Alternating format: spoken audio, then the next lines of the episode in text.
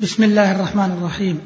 الحمد لله الذي أمر بذكره ووعد الذاكرين بثوابه وجزيل فضله والصلاة والسلام على إمام الذاكرين وقدوة الناس أجمعين نبينا محمد وعلى آله وصحبه أجمعين.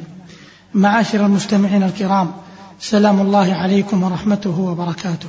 أما بعد فإن الحديث في هذه الحلقة سيكون حول مشهد عظيم من مشاهد الحج ألا وهو الذكر معاشر المستمعين.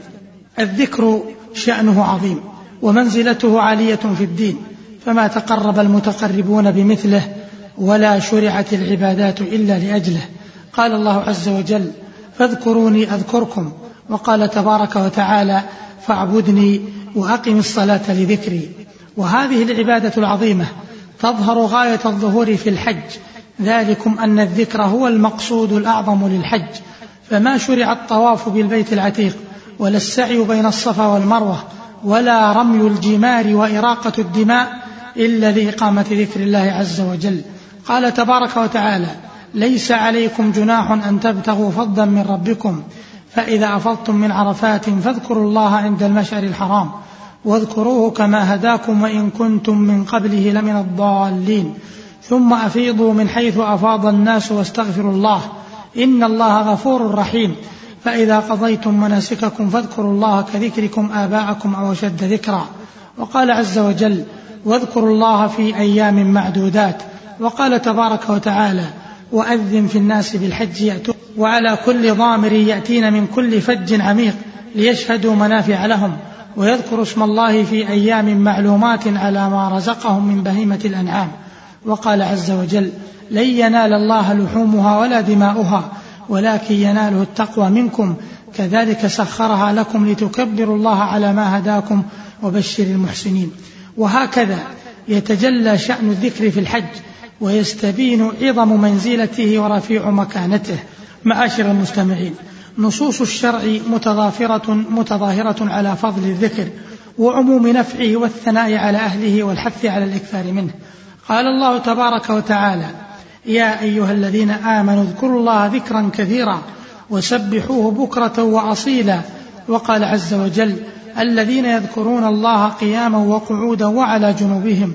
وقال واذكروا الله كثيرا لعلكم تفلحون. وقال والذاكرين الله كثيرا والذاكرات أعد الله لهم مغفرة وأجرا عظيما. قال شيخ الإسلام ابن تيمية رحمه الله مما هو كالإجماع بين العلماء بالله وأمره أن ملازمة ذكر الله دائما هو أفضل ما شغل به العبد نفسه في الجملة. وعلى ذلك دل حديث أبي هريرة الذي رواه مسلم سبق المفردون. قالوا يا رسول الله ومن المفردون؟ قال الذاكرون الله كثيرا والذاكرات. وفيما رواه أحمد والترمذي وابن ماجه عن النبي صلى الله عليه وسلم أنه قال ألا أنبئكم بخير أعمالكم وأزكاها عند مليككم وأرفعها في درجاتكم وخير لكم من إعطاء الذهب والورق ومن أن تلقوا عدوكم فتضربوا أعناقهم ويضربوا أعناقكم. قالوا بلى يا رسول الله. قال ذكر الله. والدلائل القرآنية والإيمانية بصرا وخبرا ونظرا على ذلك كثيرة. وأقل ذلك أن يلزم الإنسان الأذكار المأثورة عن معلم الخير. وإمام المتقين صلى الله عليه وسلم كالأذكار المؤقتة في أول النهار وآخره وعند أخذ المضجع وعند الاستيقاظ من النوم وأدبار الصلوات ودخول المنزل والمسجد والخلاء والخروج من ذلك وعند المطر والرعد وغير ذلك. وقد صنفت له الكتب المسماه بعمل اليوم والليلة. ثم ملازمة الذكر مطلقا وأفضله لا إله إلا الله. وقد تعرض أحوال يكون بقية الذكر مثل سبحان الله والحمد لله والله أكبر ولا حول ولا قوة إلا بالله أفضل منه. انتهى كلامه. معاشر الحجاج فوائد الذكر لا تكاد تحصى لكثرتها وتنوع بركتها وإليكم نبذة عن تلكم الفوائد على سبيل الإجمال. منها أن الذكر يرضي الرحمن ويطرد الشيطان.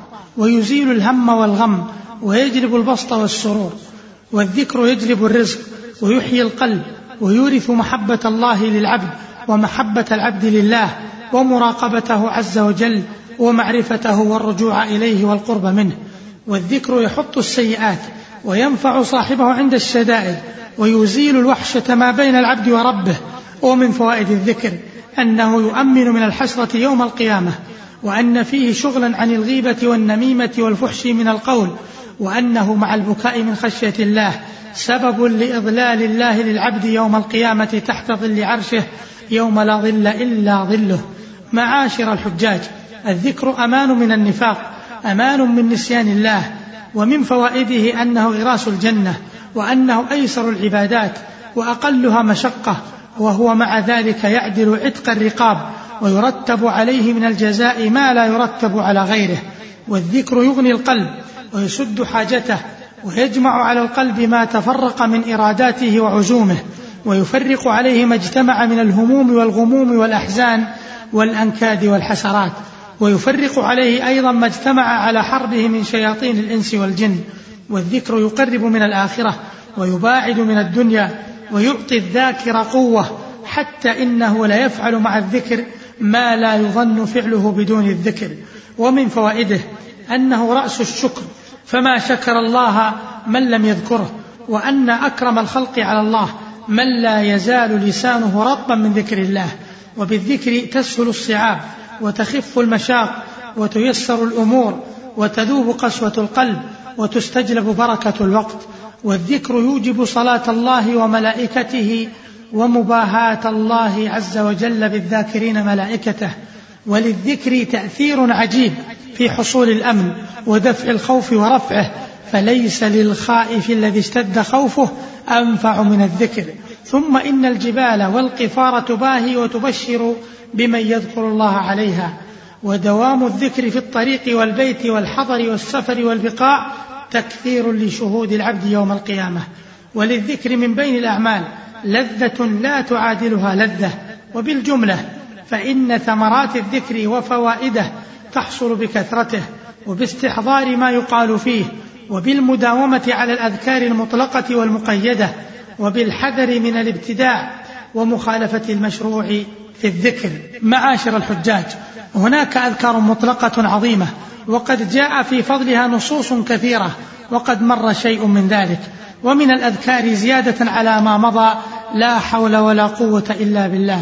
ومعناها لا تحول للعبد من حال إلى حال ولا قوة له على ذلك إلا بالله. وقد جاء في فضلها أحاديث كثيرة منها ما جاء في سنن الترمذي عن عبد الله بن عمرو رضي الله عنهما قال قال رسول الله صلى الله عليه وسلم ما على الأرض أحد يقول لا إله إلا الله والله أكبر ولا حول ولا قوة إلا بالله إلا كفرت خطاياه ولو كانت مثل زبد البحر. قال الترمذي وهذا حديث حسن غريب. وجاء في الصحيحين عن أبي موسى الأشعري رضي الله عنه قال قال رسول الله صلى الله عليه وسلم يا أبا موسى أو يا عبد الله بن قيس ألا أدلك على كنز من كنوز الجنة؟ قلت بلى. قال لا حول ولا قوة إلا بالله. قال شيخ الإسلام ابن تيمية رحمه الله لا حول ولا قوة إلا بالله تحمل بها الأثقال وتكابد الأهوال وينال رفيع الأحوال. وقال ابن القيم رحمه الله وسمعت شيخ الإسلام ابن تيمية رحمه الله تعالى يذكر أثرا في هذا الباب ويقول إن الملائكة لما أمروا بحمل العرش قالوا يا ربنا كيف نحمل عرشك وعليه عظمتك وجلالك؟ فقال قولوا لا حول ولا قوة إلا بالله فلما قالوها حملوه. وقال ابن القيم أيضا وهذه الكلمة يعني لا حول ولا قوة إلا بالله لها تأثير عجيب في معاناة الأشغال الصعبة وتحمل المشاق والدخول على الملوك ومن يخاف وركوب الأهوال ولها أيضا تأثير في دفع الفقر. قال وكان حبيب بن مسلمة يستحب إذا لقي عدوا أو ناهض حصنا أن يقول لا حول ولا قوة إلا بالله وأنه ناهض يوما حصنا للروم فانهزم فقالها المسلمون وكبروا فانهدم الحصن. معاشر الحجاج ومن الأذكار العظيمة سبحان الله وبحمده ولقد جاء في فضلها أحاديث كثيرة منها ما جاء في الصحيحين عن أبي هريرة رضي الله عنه أن رسول الله صلى الله عليه وسلم قال من قال سبحان الله وبحمده في يوم مئة مرة حطت خطاياه وإن كانت مثل زبد البحر. ومن الأذكار العظيمة كذلك سبحان الله وبحمده سبحان الله العظيم. فقد جاء في الصحيحين عن أبي هريرة رضي الله عنه قال قال رسول الله صلى الله عليه وسلم كلمتان خفيفتان على اللسان ثقيلتان في الميزان حبيبتان إلى الرحمن سبحان الله وبحمده سبحان الله العظيم. وأما أعظم الأذكار في الحج فهو التلبية. فهي عنوان الحج وشعار الحاج. كما قال النبي عليه الصلاة والسلام الحج العج والثج رواه الترمذي وابن ماجه. فالعج التكبير والتلبية والثج هو الذبح. معاشر الحجاج الناس في الذكر على أربع طبقات كما قال شيخ الإسلام ابن تيمية رحمه الله. إحداها الذكر بالقلب واللسان وهو المأمور به. الثاني الذكر بالقلب فقط فإن كان مع عجز اللسان فحسن وإن كان مع قدرته فترك للأفضل. الثالث الذكر باللسان فقط وهو كون اللسان رطبا بذكر الله. ويقول الله تعالى في الحديث القدسي أنا مع عبدي ما ذكرني وتحركت بي شفتاه. الرابع عدم الأمرين وهو حال الأخسرين. معاشر الحجاج للذكر مفهوم خاص وهو ما مضى الحديث عنه وله مفهوم عام وهو كل ما تكلم به اللسان وتصوره القلب مما يقرب إلى الله من تعلم علم وتعليمه وأمر بالمعروف ونهي عن المنكر فهو ذكر لله. ولهذا من اشتغل بطلب العلم النافع بعد أداء الفرائض أو جلس مجلسا يتفقه أو يفقه فيه الفقه الذي سماه الله ورسوله فقها فهذا أيضا من ذكر الله. وكذلك من قام بقلبه محبة الله وخوفه ورجاؤه ونحو ذلك فهو من ذكر الله. كما يدخل في الذكر تلاوة القرآن والدعاء والصلاة وإفشاء السلام وإصلاح ذات البين ومخاطبة الناس بالحسنى. ويدخل في ذلك الصدقة ونشر الكتب والدعوة إلى الله فكل ذلك وغيره داخل في عموم مفهوم الذكر. اللهم أعنا على ذكرك وشكرك وحسن عبادتك وصل اللهم وسلم على نبينا محمد والسلام عليكم ورحمة الله وبركاته.